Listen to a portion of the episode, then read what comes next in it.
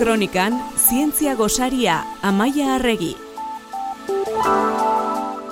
Azken egunak ez ditugu gau izarratuetakoak izan, baina ze polita dena izue gau ez, izarrei begira egotea. Amaia arregi, Donostia International Physics Centerreko zientzialari eta komunikazio teknikari egunon, amaia?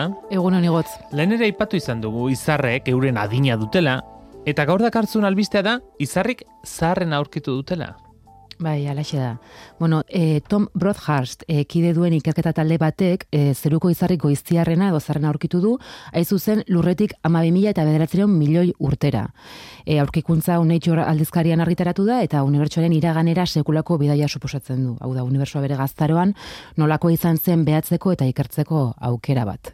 E, Tom Broadhurst, ikerbask profesor edo irakaslea da, Euskal Herriko Unibertsitatean, eta baita Donostia International Physics Centerreko kidea ere. Beraz, e, zu kide zaren e, zentruan lankide duzu Tom Brockfast. Nolakoa da, sekula ikusi dugun izarrik goiztiarren hau? Big Bana gertatu eta bederatzeren milioi urtera eratu zen izar goiztiarrau, eta, e, klaro, horren ondoren amabi mila eta bederatzeren milioi urtez bidaiatu du unibertsoan barrena gugana iritsi arte. Ideia hau importantea da nire ustez. Noski, gaur egun e, ez daia da existitzen, baina bere argia gugana iritsi denez e, beha dezakegu, naiz eta ez dakigun zenbat irango duen. Ez dela existitzen esaten duzuna ze esan nahi duzu? Hain urrutitik etorri denez, gaur egon ikusten ari garen argia, duela ama mila bederatzero milioi urte sortu zena, eta igorri zuela izar ark eta noski, bai, izarrak ez dira inbeste demora bizitzen. Orduan, e, espazioan zer bidaiatzen duen puntu bat, baino ez da momentu hontan e, izar hori, eta momentuaren batean itzali egingo da. Baina bere bizitzaren gorenean, e, lurra existitu ere egiten etzenean, izar erraldoi bat izan zen. Tom Broadhurtek e, dioenez, galaxia goiziar baten e, parte zen, eguzke baino asko zere izar handiagoekin, eta gutxi gora behera berrogeita mar bat aldiz biderkatzen zuen eguzkiaren masa. Eta gainera izarra aurkitu baino lehen, urrutien topatutako ikaro izarra, e, bederatzen mila milioi urtera, Tom Broadhurtek e, berak aurkitu izan zen, beraz bere bigarren errekorra da dagoeneko. Agian ezagun egin gozaien beti, amaia, Hubble teleskopiari esker egin dela aurkikuntza. Bai, bueno, Hubble teleskopioa badakizue, ba, astronomia modernoan famatunen egin den teleskopio bai. espaziala dela. E, lurraren inguruan biraka dabil, orduro, gutxi gora bera 600 kilometroko altuerara, eta goita mabi urte pasatu ditu bertan, ba, horri esker e, aurkikuntza pila bat egin dira. Edwin Hubble astronomo amerikarraren omenez izena du horrela, bere izan zelako unibertsua zabaltzen ari dela e, deskubritu zuena, e, mila beratzen dago eta batzean. Gaur egun hori unibertsori buruz denok dakigun bai. zer da, baina bere garaian, ba, imaginatuko ez bezala, kristonia revoluzio izan zen. E, eta nola frogatu zuen unibertsua zabaltzen ari dela? Ba, urrineko bi galaxien redshift edo gorrira lerratzea neurtuz. Orain birpasatu egin behar du azken esan duzu, no? idoia mugikak baina saldu zigun, redshift eta doppler efektua ze hitz egin behar dizuegu. Ostera, labur bada ere jendeak gogora esan.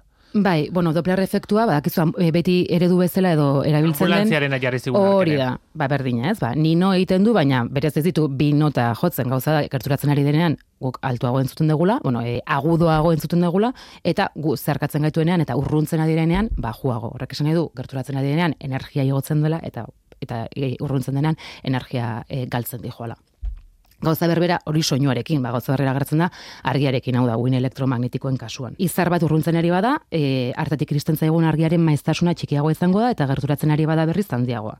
Horregatik, redshift hitz famatuak astronomian objektu bat urruntzen ari dela esan nahi du, eta oso erabilia den kontzeptua.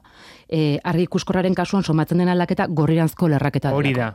Gu pentsa genezakenaren kontra, edo nik orduan bai. egiarekin gogoratzen ez pentsa genezakenaren kontra, urruntzen ari denean gorrirantz egiten du, eta gerturatzen ari denean bai. urdinerantz. Bai, hori argi kuskorrarekin ari, e, ari balde magara aztertzen, ba, gorrirantz joango da, urruntzen ari denean, eta alderantziz. Gertatzen dena da, e, propietate hori betetzen dela espektro elektromagnetiko guztian zehar, bale? E, orduan redshift esaten dugunen ari garena esaten da e, nolabait urruntzen ari denean birizten zaigun argiak energia galtzen ari dela. Ama bi mila eta behatziro milioi urtera.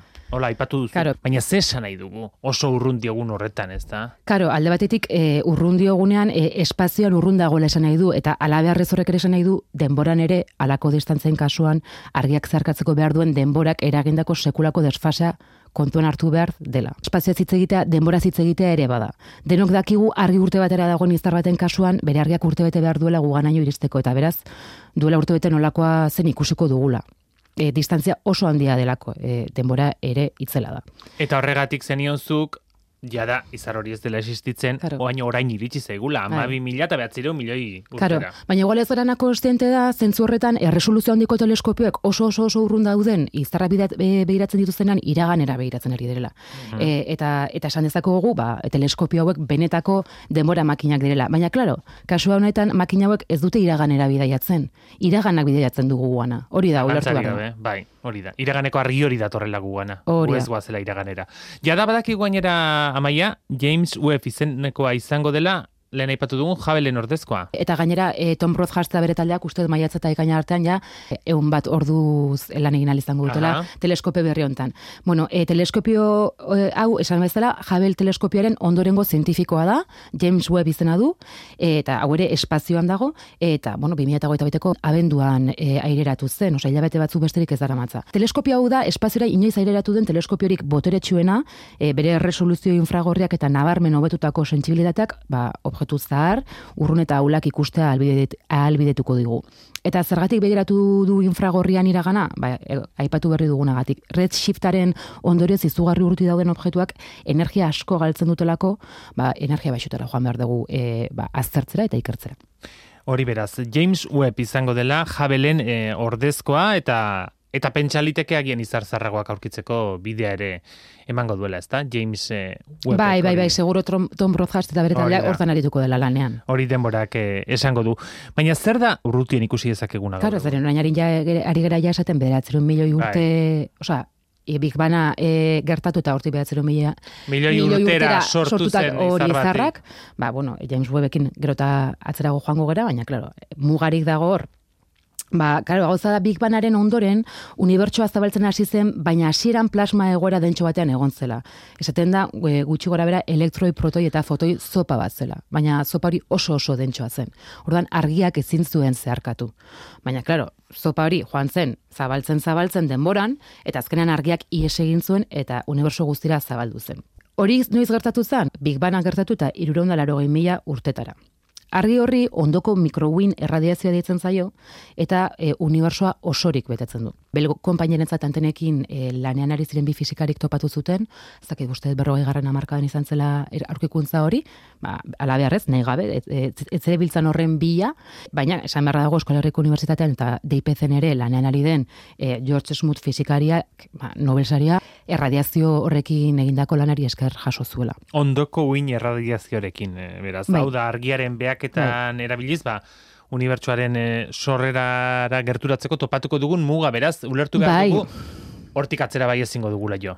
Claro, ezingo dugu atzerago jo, e, argia erabiliz. Orain arte astronomian erabili deguna beti argia begiratza izan da, espektro elektromagnetikoa. Orduan hori da daukagun muga. Hori baino lehen ez zelako argirik zabaldu unibersora. Ezin dugu ikusi hori baino lehenago.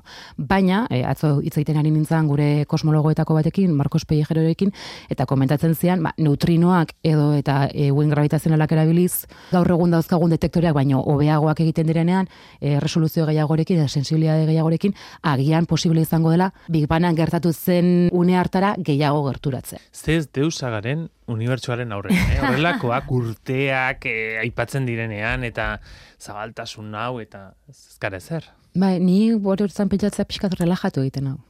Ez da gaizki igandeko tarte hau amaitzeko amaiarregi datorren igandean ere mentxe espero zaitugu. Mila eskerri gotz.